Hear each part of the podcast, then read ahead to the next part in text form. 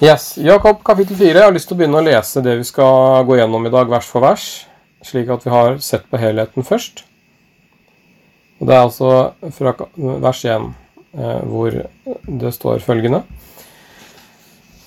Hvor kommer all striden og spliden hos dere fra? Er det ikke fra lystne som fører krig i levnene deres? Og nå kom jeg på en morsom ting til. Jeg har jo til og med tenkt at jeg skulle få opp litt eh, på skjermen her hvis teknologien eh, fungerer, vel å bemerke. Skal vi se.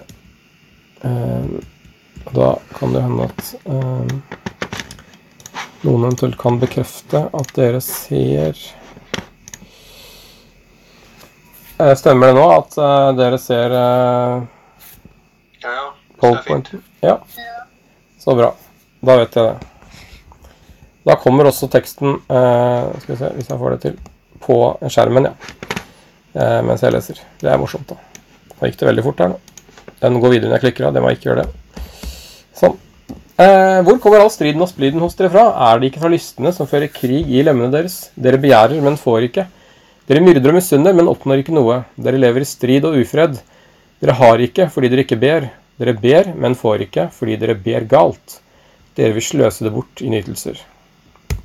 Utro som dere er, vet dere ikke at vennskap med verden er fiendskap mot Gud? Den som vil være verdens venn, blir Guds fiende. Eller mener dere det er tomme ord når Skriften sier med brennende iver gjør Gud krav på den ånd han har latt bo i oss? Nåden han gir er større, derfor heter det Gud står de stolte imot, men de ydmyke gir han nåde. Så vær da lydige mot Gud, men stå djevelen imot, så skal han flykte fra dere. Hold dere nær til Gud, så skal han holde seg nær til dere. Vask hendene, dere syndere, rens hjertene, dere som har et delt sinn. Klag og sørg, bryt ut i gråt, vend latteren til sørgesang og gleden til alvor.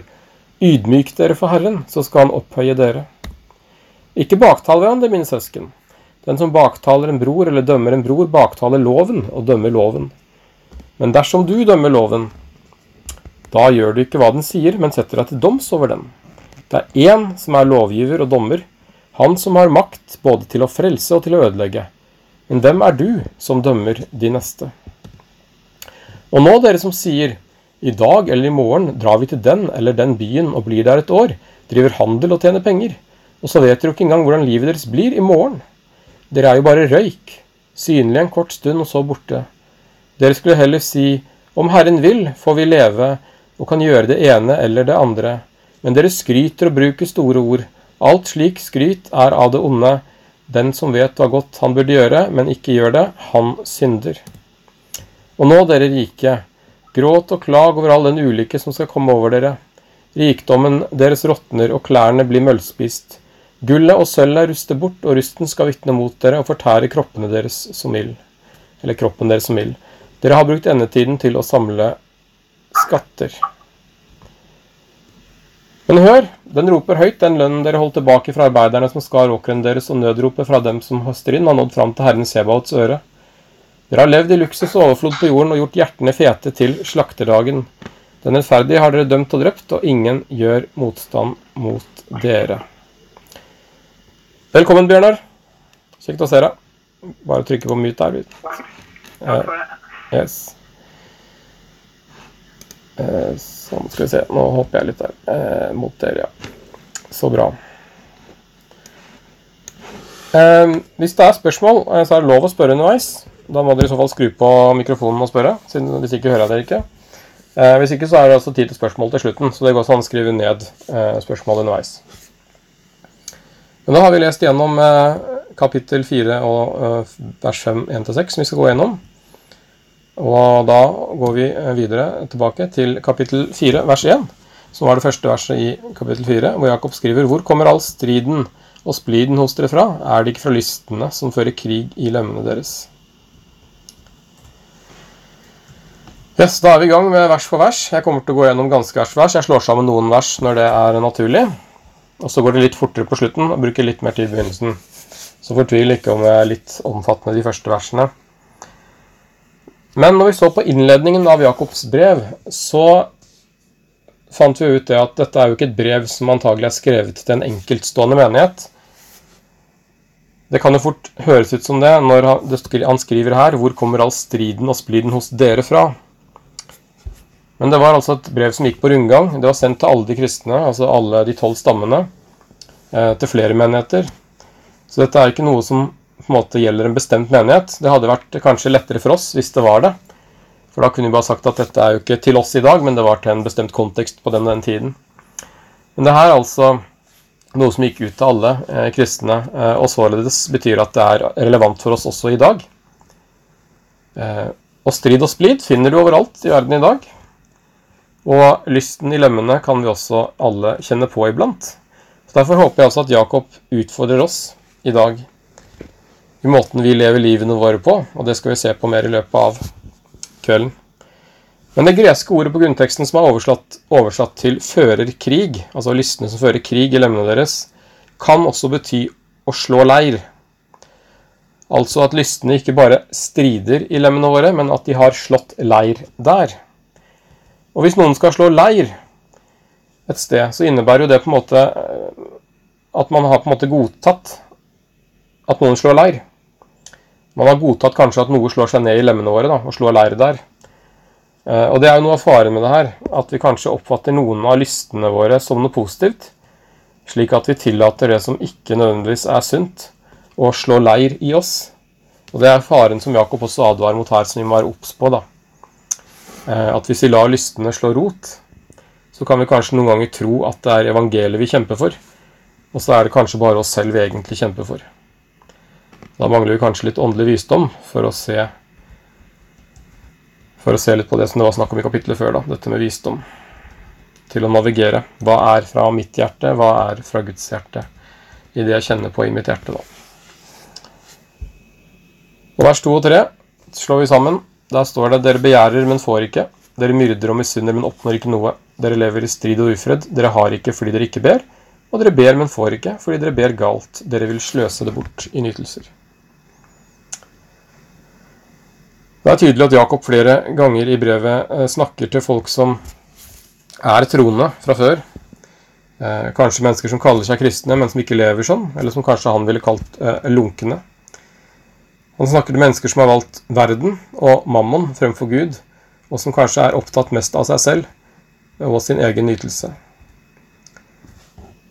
Og Det er viktig å si litt om disse versene, for de kan jo kanskje være vers som kan plage oss noen ganger. Hvis vi ber og ikke får svar på bønnene våre, så er det jo lett å tenke ut fra disse versene at det er kanskje bønnene våre det er noe galt med, eller at vi ber galt. Men det å be galt i denne konteksten her handler jo selvfølgelig om eh, mennesker som ønsker å sløse bønnesvaret bort i nytelser. Altså de ber for egen del. Dere vil sløse det bort i nytelser, som det står. Det å be galt, det handler om å be kun for min egen del, og ikke etter Guds vilje. For Guds løfter eh, er jo at et rettferdig menneskes bønn er virksom og utretter mye, som Odd Arild eh, var inne på i kapittelet etter dette. Det er mange løfter om bønn i Bibelen, men det handler også om at vi må be etter Guds vilje, og ikke etter egne lyster og behov. Det er jo faren ofte i, i livene våre at vi er opptatt av oss og mitt, og at bønneår ofte kanskje kan bli bønner hvor vi kommer til Gud fordi at det er noe vi trenger, eller at vi er redd for noe, eller at vi er syke, eller at vi trenger en helbredelse. Så det, det er veldig fort gjort noen ganger at Gud blir en vi kommer til med bønner for vår egen del. Og Det er noe vi alle må være klar over. I en engelsk bibeloversettelse så er dette med å be galt det er oversett med at 'your praying is corrupt'. Altså fokuset og hjertet bak bønnen er det viktige. Og Det er også viktig å si at om vi ikke får svar på noen bønner, så betyr ikke det at vi har bedt galt, eller at man ikke er tror nok. Man kan også be etter Guds vilje og oppleve at ting ikke skjer, og i hvert fall ikke umiddelbart. Jeg hadde en, hadde en kollega på Nesodden, en prest, eh, som sa ofte det at eh, Gud svarer alltid på bønn. Men svarene kan være ja, nei eller vent. Og jeg er vel ganske der sjøl. Jeg, tror, jeg syns det var fint sagt, og jeg tror også på det. Jeg tror på usynlige spilleregler òg i eh, en åndeverden som ikke vi alltid kanskje klarer å, å, gripe helt, eller forstå helt. Og jeg har lyst til å ta med et eksempel fra Det gamle testamentet der, som ja, illustrerer det ganske fint. Og det er jo i eh, Daniel 10. Jeg har ikke det på, på teksten her. Men i Daniel 10 fra vers 10 så kan vi lese følgende beretning. Da er det Daniel som har eh, bedt til Gud, og etter hvert så får han et syn. Så står det da i Daniel 10.10 10 utover at da rørte en hånd ved meg, ristet i meg og fikk meg opp på hender og knær. Han sa til meg, Daniel, du høyt elskede, forstå ordene når jeg tale til deg. Reis deg opp, for nå er jeg sendt til deg. Da han talte disse ordene til meg, reiste jeg meg skjelvende opp. Så sa han til meg, Vær ikke redd, Daniel, for fra den første dagen du viet ditt hjerte til å vinne innsikt og til å ydmyke deg for din Gud, er ordene dine blitt hørt, og på grunn av ordene dine har jeg kommet. Og hør nå. Fyrsten over Perserriket gjorde motstand mot meg i 21 dager. Da kom Mikael, en av de fremste fyrstene, og hjalp meg der jeg var holdt tilbake hos perserkongene. Nå har jeg kommet for å få deg til å forstå hva som skal hende folket ditt i de siste dager. For dette er enda et syn som handler om de dagene, står det da i Daniel 10. Og denne fortellingen viser jo at allerede første gangen når Daniel ydmyket seg innenfor Gud og ba til Gud, så hørte Gud bønnen. Og legg også merke til at Daniel ydmyket seg innenfor Gud. Vi skal komme litt tilbake til det etterpå. Men så sender Gud et svar med en engel. Men på veien tilbake til Daniel med bønnesvaret, så blir altså engelen forhindret. Han møter åndelig motstand på veien. Og det blir en kamp som pågår i himmelrommet. Og den varer faktisk i hele 21 dager, helt til erkeengelen Mikael kommer og hjelper denne engelen, så han får dratt videre. Og Det er jo en litt spesiell historie. Men det handler jo kanskje, og kan forklare noen ganger om hvorfor ikke bønnesvaret alltid kommer med en gang. Det kan være underveis, det kan være på vei, men det kan også være en åndelig kamp, som også kanskje krever litt mer, som vi ikke vi ser. Men det kan også bety at noen ganger så bør vi heller ikke gi oss etter en bønn. Det kan som sagt være en kamp, og det kan være motstand mot at bønnesvaret skal komme fram. Noen ganger så er kanskje svaret nei, fordi at eh, Gud kanskje ser det større perspektivet og har et større bilde enn det vi har. Eh, og ser at det kanskje ikke er godt for oss, selv om vi tror kanskje at det er det. Men å ære Gud og be om Hans vilje er en god måte å be på. Og Sånn sett så har vi også et godt eksempel i Fader vår som Jesus lærte disiplene, som et fint eksempel på hvordan vi skal be. Der er det jo slik at De første versene i Fader vår handler om Gud. Det handler om Hans storhet. Det setter Han og gir Han ære. Altså Det står 'Vår Far i himmelen'. La navnet ditt helges. La riket ditt komme. La viljen din skje på jorden slik som himmelen. Og så kommer etter hvert de personlige bønnebehovene, som gir oss i dag vårt daglige brød, og forlate oss vår skyld. og Tilgi oss også de tingene her. Men man begynner altså i Fader vår med å ydmyke seg innenfor en stor Gud, en allmektig Gud. Gir han ære om å ja, ære Gud, før man kommer med de personlige bønneevnene. Jeg tenker at ikke bare i Fader vår, men som en regel i forhold til hvordan vi bør be, da, så er det fint å kunne begynne med å løfte opp Gud, gi han ære, eh, og så kanskje komme med våre egne ting etterpå. Ofte vil jeg tro at de ofte bare ber kanskje kjapt om de tingene som vi kjenner utfordrer i hverdagen. Ok, Vi skal ikke bruke veldig like lang tid på alle versene, altså. Men uh, jeg hadde lyst til å snakke litt om dette med bønn, for det kan jo fort uh, misforstås. Dette med at dere ber galt. Og det er som sagt uh, man, kan, man kan be rett og allikevel oppleve å ikke få svar alltid. Derfor er det ikke alltid rett å vite. Men det er klart, vi kan også bli fristet iblant sikkert til å be, be galt pga. at det er våre egne lyster eller nytelser som er målet. Vers 4 sier, utro som dere er, vet dere ikke at vennskap med verden er fiendskap mot Gud? Den som vil være verdens venn, blir Guds fiende. Utro her handler jo ikke om utroskap i tradisjonell betydning, men det handler altså om å være utro mot Gud i troen. Jesus brukte selv metaforen eh, dette med å være utro eh, i Matteus 12, vers 38-39, hvor Jesus sier at eh, en ond og utro slekt krever tegn. Men den skal ikke få noe annet tegn enn Jonategnet, sa Jesus til eh, noen fariseere og skriftlærde. Og Jesus introduserte på en måte kanskje den metaforen her. Og flere av Paulus og Jakob og flere andre bruker også dette metaforbildet i brevene sine. Eh, om at dette å være utro eh, mot Gud handler altså ofte om å elske verden høyere enn Gud. Og som Jesus sier i Matteus 6, så kan vi ikke elske både Gud og verden. Eh, det står i Matteus 6 at ingen kan tjene to herrer. Han vil hate den ene og elske den andre. Eller holde seg til den ene og forakte den andre. Dere kan ikke tjene både Gud og mammon, står det der. Eh, og Jakob minner stadig om denne kampen, og har nok sett eksempler i eget liv hvor lett det er å falle, og ønsker virkelig det beste for brevets lesere. Så han sier at det går ikke an å være både verdens venn og Guds venn. Så vil du være verdens venn, så blir du Guds fiende. Da ville jeg nok foretrukket å være Guds venn og heller være fiende av verden. Vers 5. Eller mener dere det er, det er tomme ord når Skriften sier med brennende iver gjør Gud krav på den ånd han har latt bo i oss?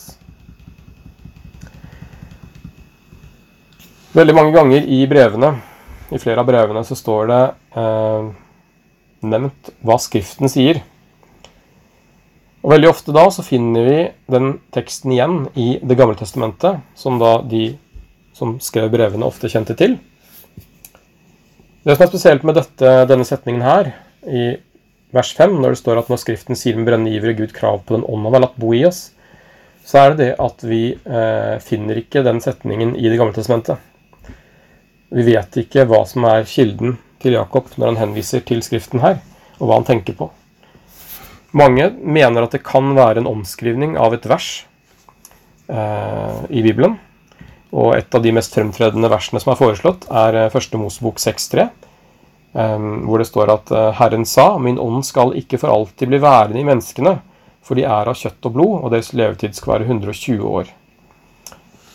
Så vi kan si på en måte at han, han har latt ånden bo i oss i en periode på jorden mens vi lever.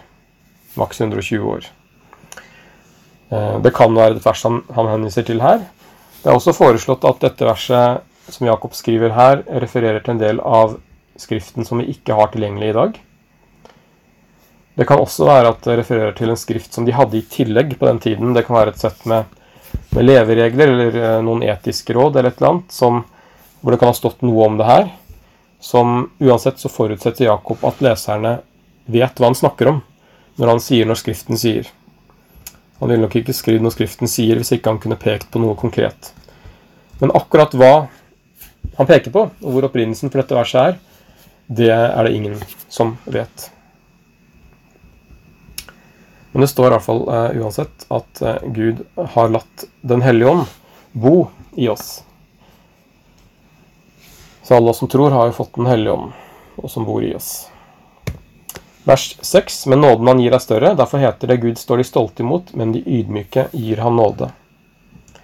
Jeg sa at dette med ydmyke skulle vi komme tilbake til. Eh, Daniel ydmyket seg foran Gud og fikk eh, bønnesvar. Og jeg tror det er en fin måte å komme fram fra med, med ydmykhet.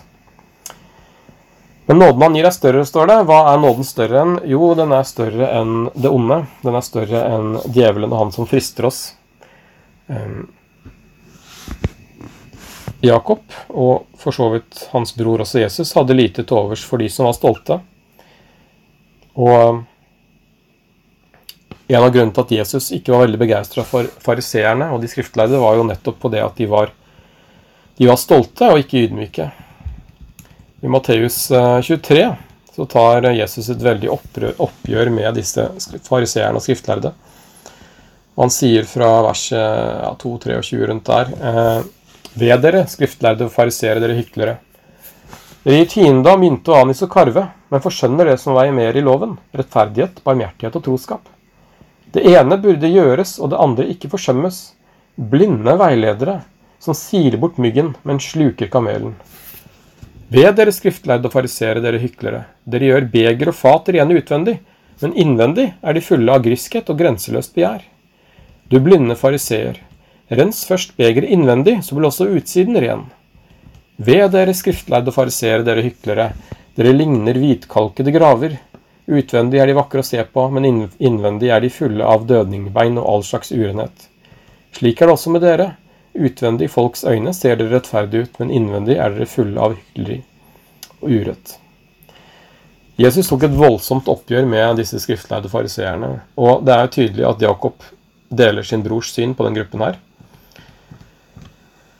Og det er jo lett å, å, tenke når vi leser i Det nye testamentet, og spesielt i evangeliene, at de skriftlærde fariseerne de var noen skikkelige duster. Og så tenker jeg samtidig så tror jeg nok dessverre at vi alle kan ha litt fariseerske tendenser iblant. Hvor det handler kanskje ut om å se bra ut i det ytre. Og fariseerne de gjorde jo mye bra også. De holdt lovene, de holdt budene, de ga tienden. De fulgte loven.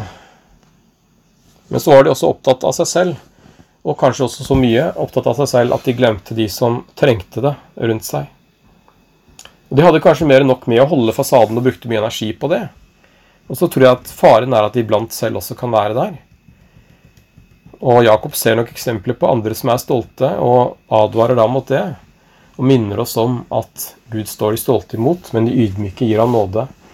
Og at vi bør være ydmyke og huske hvem vi tjener. Så Det minner Jakob oss om flere steder. Og han sier i vers 7.: Vær lydig mot Gud, men stå djevelen imot, så skal han flykte fra dere. Som de fleste andre forfattere i Det nye testamentet, så ser også Jakob djevelen som noe eh, på utsiden av oss, som kommer og frister oss. Eh, I 1. Timoteus 3,7 så skriver Paulus at eh, han må også ha et godt ord på seg blant dem som står utenfor, så han ikke blir til spott og går i djevelens snare. Så djevelen kan på en måte legge snarer for oss, felle for oss, men vi må allikevel selv velge å tråkke i dem. Så det er også mulig å unngå. Eh, fordi at djevelen påvirker oss fra utsiden, og fordi at Guds ånd som bor i oss, er sterkere, så er det mulig å unngå djevelens snarer. Og det er som Jakob sier her, stå djevelen imot. Det er mulig, og da vil han også flyktes etter hvert. Og angrep fra djevelen trenger ikke å være veldig eh, fæle ting. Det kan jo være eh, f.eks. det at de blir for stolte, rett og slett. Som vi så på i stad, for er vi stolte, så er det lettere å komme på avstand og bli lunken. Og bare det at vi kan bli litt stolte uten at vi engang kanskje merker det selv, er jo en måte djevelen kan jobbe på og friste oss på. At djevelen vil flykte fra oss, er jo også eh, flere eksempler på i Det nye testamentet, spesielt da Jesu kamp mot djevelen i ørkenen. Det var jo Den hellige ånd som ledet Jesus ut i ødemarken når han skulle faste i 40 dager. Eh, og så kommer da djevelen utenfra og frister Jesus. Men så holder Jesus seg nærme Gud og eh, svarer djevelen eh, gjennom Guds ord og peker på Guds ord. Og når han har gjort det tre ganger, så står det at djevelen forlot ham og holdt seg borte en tid. Jeg tenker litt sånn at uh, djevelen prøver å friste oss, og hvis han ser at her kommer jeg ikke noe vei, så drar han videre på en periode. Så det er på en måte mulig å få han til å flykte ved å stå på Guds ord. Og Efeserne 6, som vi så på på, på betakurs i fjor, er jo også et fint eksempel med å ta på Guds fulle rustning. Eh, hvor det står at eh, vi kan beskytte oss mot den ondes brennende piler. Og Piler er jo også noe som kommer utenfra mot oss, som vi snakka om i fjor, eh, og som vi kan forsvare oss mot. Men det kommer utenfra, og det er retta mot oss. Eh, og det er viktig at, å vite at det kommer utenfra. For vi kan noen ganger som kristne også tenke at eh, Og det er noen som har spurt om den gangen hva om, hva om jeg er besatt av djevelen? Og jeg tror ikke, og finner ikke noe bibelsk belegg for å si at en kristen kan være besatt av djevelen igjen med Guds ånd i seg. Ehm, så at Guds ånd er sterkere, og jeg tror ikke at det er noe fare for så lenge vi har Guds ånd i hjertet, at djevelen kan besette oss. Vi kan kanskje gi han spillerom, ehm, men at han kan besette oss, det tror jeg ikke. Men at han påvirker oss og prøver å få oss til å synde, det er det mye belegg for i Skriften. Men da er vi også være viss på at han som bor i oss, er sterkere. Og den beste måten å holde djevelen unna på, er jo det som står videre i vers 8 her. Nemlig å holde seg nær til Gud. Så skal han holde seg nær til dere. Vask hendene deres syndere, rens hjertene dere som har et delt synd. Å vaske hendene er jo et tegn på renselse, som eh, vi finner helt tilbake i Det gamle testamentet. Og spesielt også prestene måtte vaske hendene, og andre også, før de gikk inn i det hellige. Det handler om at de må stille oss rene innenfor Gud. Gud kan ikke ha fellesskap med synd. Derfor ble det først mulig å ha en personlig relasjon til Jesus eh, ved Den hellige ånd etter at Jesus døde på korset og tok på seg all verdens synd. Når han tok på seg våre synder, så gjorde det det mulig for oss å ha en eh, levende relasjon til Gud og Jesus gjennom Den hellige ånd. Det betyr ikke at vi aldri synder når han tok sine synder på oss, men det betyr at vi kan legge oss av oss all synd og komme inn for Guds trone i frimodighet. Og dette verset her, eh, med å vaske hendene deres synder og sånn, det kan også peke tilbake på Jakobs brev kapittel 1 vers 21, hvor Jakob sier på en litt annen måte Legg da av alt urent og ondskap, og ta ydmykt imot det ordet som plantet i dere, og som makt å frelse sjelene deres. Og så legg alt av det urene ondskapen, og ta ydmykt imot ordet som er plantet i dere. Det er det gode, da. Men vi kan legge av oss det som ikke er bra, og så er Guds ord plantet i oss. Vask hendene, står det. Hendene er ofte symbolet for våre gjerninger. Eh, rens hjertene, står det, og hjertene er ofte da symbolet på våre tanker eller vårt sinn. Så det han skriver her, på en måte er vask hendene og rens hjertene, altså vær rettferdig i handlinger og i sinn. I vårt hjerte så kan vi være tett på Gud, så vi må på en måte rense hjertet. Og omvendelse fra synd eh, blir derfor også viktig om vi ønsker en god relasjon til en levende Gud. Jeg tror det er også derfor at Jakob snakker mye om det her. Så hans eh, måte, agenda i eh, brevet handler ikke om å peke på hva som er synd, men det handler om å hjelpe oss å legge av det som ikke er bra for oss, slik at vi kan vokse i relasjonen til Gud. Og det er det Jesus, nei, Jakob unnskyld, ønsker i hele brevet sitt. Det handler om å hjelpe oss til å få utvikle vår relasjon til Gud. Altså bli disippelgjort, rett og slett. Og han har også sett da viktigheten av omvendelsen og det at vi på en måte vender om. Eh, at vi ikke prøver å ri to hester da, ved å elske verden og Gud, men velge Gud og ikke verden. Og har vi et delt sinn, som er altså en dragkamp mellom Gud og mammon, så trenger vi å få renset sinnet vårt fra det. Og poenget er at hele hjertet skal tilhøre Gud. Og jeg var litt inne på det også eh, i kapittel 1 som står i Matteus 5, når Jesus sier at vi skal være fullkomne slik som deres himmelske far er fullkommen. Og jeg sa at det greske ordet for fullkommen også kan oversettes med helhjerta. Altså vi er kalt til å være helhjerta i vår tro. Og elske Gud og elske vår neste som oss selv. Eh, og hvis vi er helhjerta, så har vi ikke et delt sinn. Så det er jo noe av det å elske Gud av hele vårt hjerte. La ham få lov til å få det. Og det er når vi er ett med Gud og ett med Jesus, at vi har muligheten til å holde djevelen unna. Og også bære frukt, sånn som det står i Johannes 15 eh, om grenene på vintreet. Bli i meg, så blir jeg i dere. Men eh, det er et aktivt valg vi stadig tar, å bli i ham. Hvor han da blir i oss. Så dette er mye av Jakobs agenda, eh, det som vi ser på akkurat nå. Ikke bare i kapittel 4, men i hele brevet, egentlig. Vers 9 og 10 slår jeg sammen. Der står det Klag og sørg, bryt ut i gråt, vend latteren til sørgesang og gleden til alvor. Ydmyk dere for Herren, så skal Han opphøye dere. Og igjen kommer dette med ydmyk inn. Det kan godt hende at eh, Jakob har mange stolte venner, eller at han ser at det er mye stolthet. Eh, men han minner stadig om dette med at vi må ydmyke oss for Gud. Og så skal han opphøye oss. Eh, jeg har lest en bibelkommentarbok i forbindelse med dette forberedelsen til dypdykk, og en som heter James Adamson, annet. Han skriver, skriver i sin bok at, eh, om disse versene at eh, Jakob forbyr oss ikke å le igjen noen gang. Men istedenfor å løpe etter gleden hele tiden, så stans opp litt og tenk litt seriøst på Gud og hans storhet. Og ydmyk oss innenfor Han som vil opphøye oss. Sånn. så han, sier at mye av det her handler om det samme som Jesus snakker om, at den som setter seg selv lavt, skal settes høyt. Det er ydmykhet. Men dette verset er ikke på en måte en oppmuntring til, eller oppfordring til et gledesløst liv. Men vi oppfordrer helst til å se den gleden verden kan gi, er eh, overfladisk og skadelig. Og at eh, det egentlig er verdt å gråte kanskje over at vi kanskje lar verdsligheten i verden få prege oss. da. Vi blir aldri påvirka av verden som vi lever i, enten vi vil eller ikke. Og det at vi påvirkes, det er egentlig til å gråte over, er vel det Jakob på mange måter sier her. Og botemiddelet måte, mot å bli for påvirka av verden eller bli for stolt, er jo da nettopp å ydmyke oss for Gud.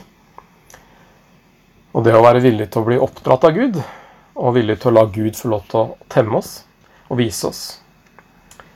Eh, og det typiske for oss ofte er jo at vi ønsker å opphøye oss selv. Og så viste Jesus oss den stikk motsatte veien når han var villig til å ydmyke seg selv, slik at Gud kunne oppøye ham. Det står veldig fint i Filippebrevet 2, vers 5-11, at uh, la samme sinnelag være i dere som også var i Kristus Jesus. Og Det står også videre at han var i Guds skikkelse. Og så det ikke som et rov å være Gud lik, men ga avkall på sitt eget, tok på seg tjenerskikkelse og ble mennesker lik. Da han sto fram som menneske, fornedret han seg selv og ble lydig til døden, ja, døden på korset. Da Jesus sto fram som menneske, så ydmyket han seg selv, er jo det samme som fornedret betyr, og ble lydig til døden, ja, døden på korset. Så vi skal eh, ydmyke oss, slik Jesus ydmyket seg. Og så opphøyet Gud Jesus, og så vil han opphøye oss hvis vi ydmyker oss. Vers 11 kommer vi til å bruke veldig lite tid på, men uh, igjen uh, så vender Jakob tilbake til temaet han har tatt opp flere ganger i brevet, dette med tungen og baktaling. Så ikke baktal hverandre, mine søsken. Den som baktaler en bror eller dømmer en bror, baktaler loven og dømmer loven. Men dersom du dømmer loven, da gjør du ikke hva den sier, men setter deg til doms over den. Så han skriver ikke mange vers før han vender tilbake til tungen, og han tar jo opp dette temaet mange ganger i brevet. Og det kan jo hende at det er fordi Jakob har opplevd en del baktalelse sjøl, eller at han har eh, vært utsatt for å høre mye baktalelse, eller vet at det er mange som baktaler. Eh, men han tar det opp igjen. Og jeg tror jo det er viktig. Jeg tror jo det er et uh, vitnesbyrd også for verden, hvis vi som er kristne, er flinke til å ikke baktale det å ta på en måte, det er veldig vanlig da, i verden å snakke om mennesker som ikke er til stede. Det er vanlig å snakke ned mennesker som ikke er til stede. Spre rykter. Eh, har du hørt siste nytt? Eh, og det å på en måte ta aktivt avstand fra det og si at eh, jeg har ikke lyst til å snakke om noen som ikke er til stede, det tror jeg også er et vitnesbyrd. Og jeg tenker at Derfor er det viktig at vi som kristne skiller oss fra verden, og ikke bare slenger oss med på baktalelsen, men klarer å gjøre det vi kan i hvert fall for å ikke være med og ta avstand fra det. Og jeg tror at det er veldig godt for andre å få høre. Eh, om vi klarer det. Og Der er jo tommelfingerregelen ofte det, det er, det er, jo ikke lov å snakke, det er jo lov å snakke om mennesker som ikke er til stede, men, men det bør ikke, bør ikke, være noe som man ikke kunne sagt til personen selv. Det er ofte en sånn, det er jo lov å rose noen bak deres rygg, eh, og sånne ting, eh, men jeg tenker at det ofte er en grei tommelfingerregel. Hvis dette er noe jeg ikke ville sagt til personen face to face, så skal jeg kanskje heller ikke si det til noen andre. Eh, men det utfordrer oss, uten at vi skal bruke mer tid på det verset i dag. Vers 12. Det er en som er lovgiver og dommer, han som har makt både til å frelse og til å ødelegge, men hvem er du som dømmer de neste? Jakob plasserer her makten der den hører hjemme, nemlig hos Gud. Det er én som er lovgiver og dommer. Det er bare Gud som er lovgiver og dommer. Han har makt til både frelse og til å ødelegge. Og det er bare Gud som dømmer, og vi er advart da mot å dømme vår neste. Og Det er også noe vi kan ta til oss, kanskje, som ikke vi alltid er like flinke på. Og I Jesu lære finner vi mye av det samme. Jeg har jo vært inne på før at Jakob og Jesus ligger tett opp til hverandre i læren. Eh, Jesus snakka jo om eh, hvorfor ser vi eh, bjelken, eh, nei, flisen i vårt brors øye, men bjelken i vårt eget ser vi ikke, blant annet. Og han også sa 'døm ikke'. Eh, så vi er kalt å ikke dømme. Vår neste.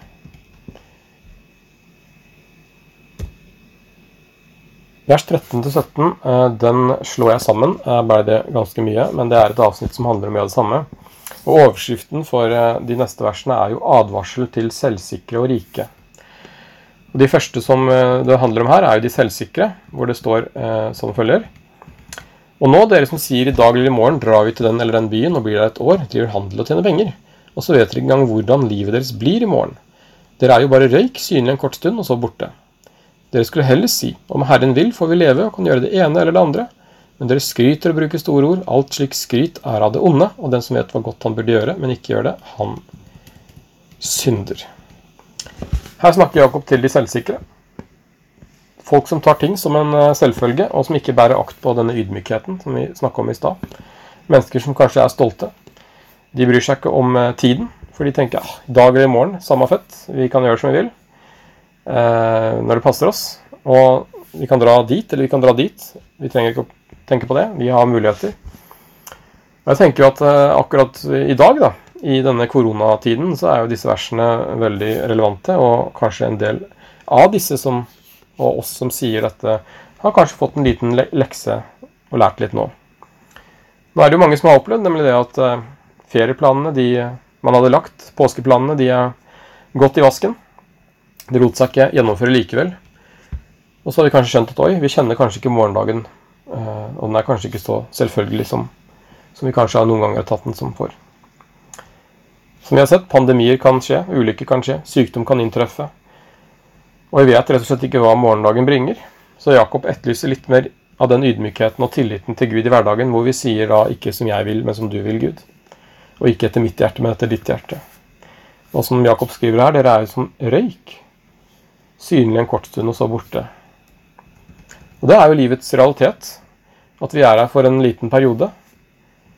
Og mange som ikke tror på Gud, så vet jo også at det er en realitet. At livet er jo eh, som en røyk. Og jeg tenker jo at ja, og det viser jo hvor meningsløst livet egentlig er, da, om du ikke tar med Gud inn i det, tenker jeg.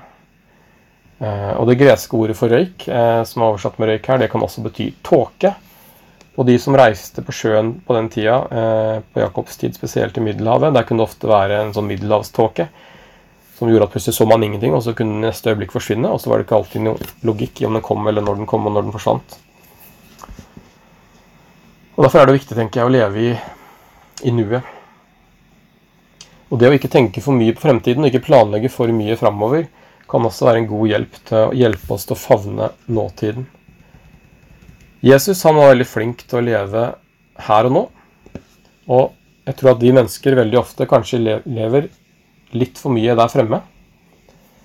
Og så vil det kanskje en dag når vi kommer dit, hvor vi da langt vi kommer, som ikke vi vet, så vil det kanskje være overraska over hvor fort det gikk.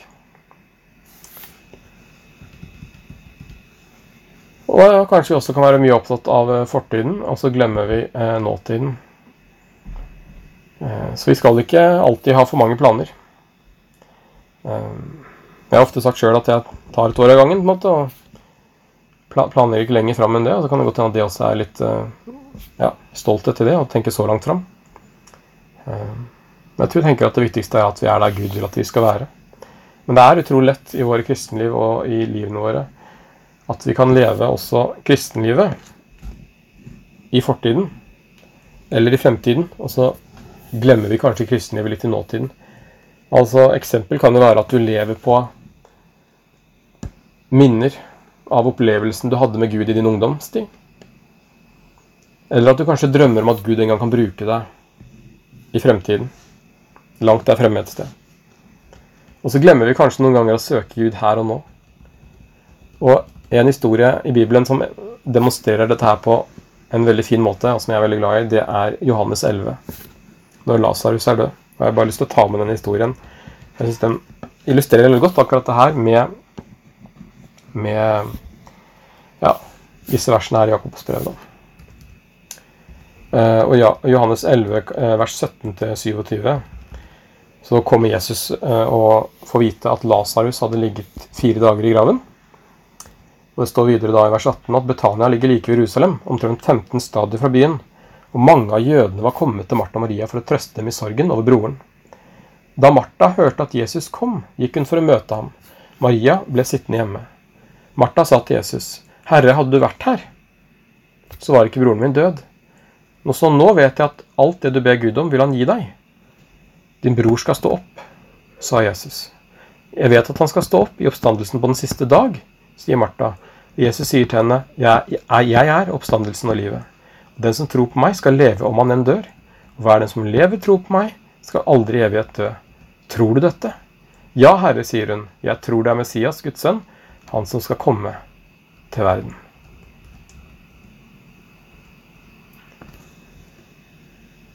Og I denne historien så ser vi at først så kommer Martha med en klassisk setning om fortiden, som sikkert mange av oss også har brukt i livet. Og det er jo på en måte Hun sier på mange måter 'hvis bare'. Hvis bare ting hadde vært annerledes. Hvis bare sånn og sånn. Og det hun sier, er hvis bare du hadde vært her, Jesus, så hadde ikke broren min vært død. Det er på en måte det første hun sier til Jesus. Hadde du vært her, Jesus, så hadde han ikke vært død. Så hun beklager seg over det som er fortid, som hun ikke kan gjøre noe med. Og så svarer Jesus eh, Martha med at din bror skal stå opp. Og når Martha hører det, hva tenker hun på da? Hun tenker ikke på nåtiden, hun tenker på fremtiden. Og så tenker hun veldig langt fram og svarer jeg vet at han skal stå opp i oppstandelsen på den siste dag. Så det Martha gjør når, i møte med Jesus her, i en situasjon som har påvirka henne for Lasarus, broren, er død, så møter hun Jesus og beklager seg over fortiden. Og så drømmer hun om fremtiden. Og så glemmer hun på mange måter nåtiden. Og så tar Jesus henne tilbake og hjelper henne å fokusere her og nå gjennom å si 'Hallo, Martha. Jeg er i presens', altså. Oppstandelsen og livet.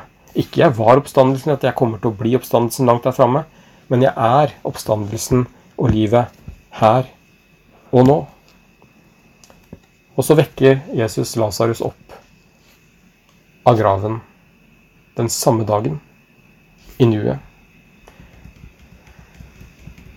Men, og jeg tror at mange av oss kan være litt som Martha mange ganger i våre kristenliv, i måten vi lever våre kristenliv på. Vi tror kanskje på alle miraklene som Jesus gjorde en gang i Bibelen, som vi kan lese om. Og vi tror på det evige livet som en gang kommer der fremme i fremtiden. Men som Martha så er vi kanskje ikke alltid like obs på Jesu krefter i våre liv her og nå i dag. Og det å ta med Jesus inn i hverdagslige situasjoner hver dag, her og nå, er kanskje noen ganger det vanskeligste ofte. Hvorfor er det sånn? Hvorfor er det noen ganger lettere å bare mimre om fortiden eller drømme om fremtiden, og ikke ta med Jesus inn i nuet? Og Jesus levde mye her og nå. Han snakket lite om fortiden. Han snakket litt mer om fremtiden. Men aller mest så møtte han mennesker der de var. Han møtte behov der de var. Og han var stadig oppmerksom på hva som skjedde rundt den. Han var opptatt av fremtiden, for han snakka litt om den også, men han planla fremtiden ved å leve i nuet. Ved å lære disiplene der og da, slik at de var rustet en dag når han visste at han ikke ville være med de lenger. på den samme måten. Og en liten indikator på hvor flinke vi er til å ta med Jesus inn i her og nå, det er jo på en måte Hva ber vi om når vi ber? Takker vi for fortiden, for det som har skjedd? Ber vi bare fremtiden som ligger der framme et eller annet sted? Eller er vi obs på å be om ting som skjer i dag, eller som kan skje i dag? Og tar vi Gud med inn i bønnene våre i dag? Og slipper Guds kraft inn i våre liv i dag?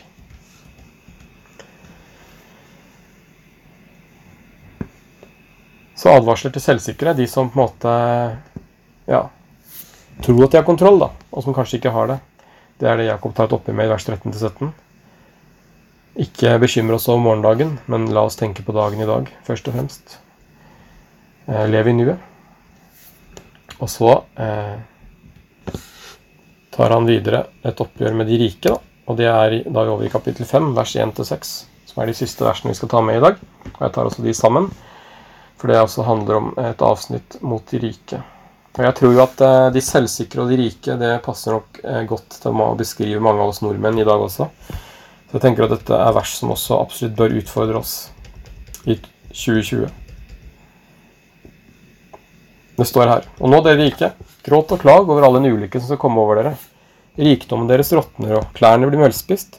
Gullet og sølvet ruster bort, og rusten skal vitne mot dere og fortære kroppen deres mild. Dere har brukt endetiden til å samle skatter, men hør, den roper høyt, den lønnen dere holdt tilbake fra arbeiderne som skar åkrene deres, og nødropet fra dem som høster inn, nådd fram til Herren Sebaots øre.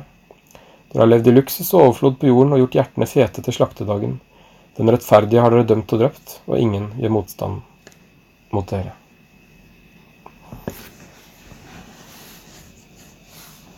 På denne tiden så var det ofte tre måter man eh, målte rikdom på. Det ene var hvor mye mat man hadde. Det andre var hvor mye klær man hadde. Hadde du mer enn et par klær som du kunne skifte på, så var det ofte tegn på, på rikdom. Eh, og det tredje det var eh, altså fysiske verdier som gull og sølv eh, og andre fysiske verdier. Så Jakob tar på en måte et oppgjør med alle disse tre eh, måten å måle rikdom på. Når han sier at eh, rikdom deres råtner, så kan det være et tegn på at maten råtner. At klærne blir møllspiste, da tar han et oppgjør med, med, klær, og det å være opptatt av det. Og at gull og sølvet ruster bort. Så tar han et oppgjør med det tredje også. Eh, og han viser jo på mange måter at all den jordiske rikdommen den vil ha begrenset verdi når Jesus kommer igjen. Også her er Jakob på linje med Jesus, som også snakker mye om penger og rikdom, eh, og som bl.a. har et oppgjør med det jordiske flere steder. og Den rike unge mannen og historien om da han kommer og Jesus ber han selge alt, og så klarer han ikke det, er jo også et godt eksempel på det. Og det er et eksempel på hva som skjer når rikdommen blir viktigere for oss enn Gud. Det er jo eh, uheldig. Eh, så Jakob har altså sikkert sett det rundt seg, og sett at mennesker ja, kanskje disipler som ikke har klart å, å gå, på, gå, i tro, eller gå ut på disippellivet, for de har blitt holdt igjen av noe. Og det noe kan jo ofte være det materialistiske, det kan være verden, det kan være rikdommen som de ikke klarer å overgi. Vi ser i apostelgjerningene 2 i de første disiplene. De delte alt og hadde alt felles, står det. De troende hadde alt felles. Og jeg tror at det var eh, kanskje litt noe av det som var forventa på den tiden. Og så har mye skjedd på den, siden den gang, og vi er på et annet sted i verden i dag. Men spesielt for oss som bor i Norge, så er det klart at dette, dette kan utfordre oss. Og det er klart at når vi ikke bare har nok mat, men også nok klær, og også antagelig, om ikke gull og sølv, så i hvert fall mye verdier, ehm, så er det jo utfordrende for oss, hvis ikke vi alltid er klar over det selv, at, eh, ja, hvor godt vi egentlig har det. Og det er jo ikke tvil om at eh, materialisme og pengebegjær eh, fort kan bli det som djevelen vil bruke her i Norge, da, for å angripe oss som er troende også, og holde oss unna Gud. Vi kunne sagt mye om disse versene her, jeg skal ikke bruke altfor mye mer tid, ser jeg. Men jeg tenker at mye av det disse versene handler om, det er, og det Jakob ønsker å få fram, er på en måte hvor er fokuset vårt. Er det rikdommen som eh, driver oss, eller er det Gud? Og hvis jakten på rikdom eller penger fører oss vekk fra Gud, så er det selvfølgelig ikke bra for oss. Og akkurat nå eh, så kjenner jo mange i Norge på en eh, usikkerhet i forbindelse med koronakrisen. Mennesker mister jobben eller blir permittert. Økonomien i verden lider av usikker. Og det er mange som opplever disse dager at livsverket deres eller rikdommen smuldrer vekk. Og jeg tror at det kanskje ikke er så dumt heller, at vi kjenner litt på disse tingene nå. Og jeg tror jo også at det vil føre til denne tiden at mange mennesker vil snu hjertene sine mot Gud, når de ser at det som de kanskje hadde satt sin lit til, den jordiske rikdommen, den, den kan ikke alltid hjelpe, og den kan smuldre opp, den kan forsvinne. Da trenger vi å sette hjertene våre mot noe som er konstant, og noe som er større. Som jeg talte om her for noen søndager siden, og det er jo eh, Gud. Og jeg tror at mange mange søker til Gud i krisetider, og det er nok ikke tilfeldig. Og kanskje noen ganger så trenger vi litt, litt krisetid for å bli minnet på hvem som er den eneste som er stabil. Så la oss bruke denne tiden, tror jeg, som en mulighet til å søke Gud i nuet. Han som har all makt i himmel og på jord. Og be om at han må lede oss og hjelpe oss i den relasjonen som er viktigst av alt. Pleie relasjonen til Gud, holde oss nær til Han, så vil Han holde oss nær til dere, sto det. Jeg tror det er kanskje noe av det viktigste Jakob ønsker å, å formidle. Ja, det er fallgruver, det er mange ting som kan ta bort fokuset. Men hvis vårt fokus er å holde oss nær til Gud, så tenker jeg at da skal det mye til at vi går feil. Så la oss søke Han helhjerta. Det er eh, noe av oppmuntringen og oppsummeringen, og det får bli noe av det jeg runder av med, tror jeg. Yes. Eh, det gikk jo ennå igjen mye kjappere enn jeg hadde trodd. Eh, eller mye, mye kjappere. Syv minutter kjappere enn jeg trodde. i hvert fall. Jeg regner med å holde på til ni cirka. Men jeg vet ikke om du har noen spørsmål til dagens undervisning, så er det lov å skru på mikrofonen og spørre. Uh, og hvis ikke, hvis det var greit, så har jeg planlagt noen spørsmål uh, sjøl som jeg tenkte bare kunne sette på skjermen, som dere kan eventuelt notere ned i, eller ta med dere og grunne litt over selv. Eh, og jeg tror jeg bare setter de på her nå. Og spørsmålene er som følger da. Hva forbinder du med ordet Ydmyk. Hva er sann ydmykhet, eh, og hva er misforstått ydmykhet? Hva slags holdninger er det som er typisk for stolte mennesker? Og hva vil det helt konkret si å holde seg nær til Gud? Og hva innebærer det å være trofast mot ham? Det er noe du kan grunne på selv, i hvert fall i ditt hjerte, om ikke annet. Jeg tenker jo at eh, vi er kalt til å være ydmyke. Og ikke stolte, som fariseerne. Jeg tror at vi kan kjenne fort på noe av den stoltheten. Hvordan kan vi da på en måte stadig eh, passe oss, slik at vi er ydmyke og ikke stolte? Og vise sann ydmykhet i våre liv.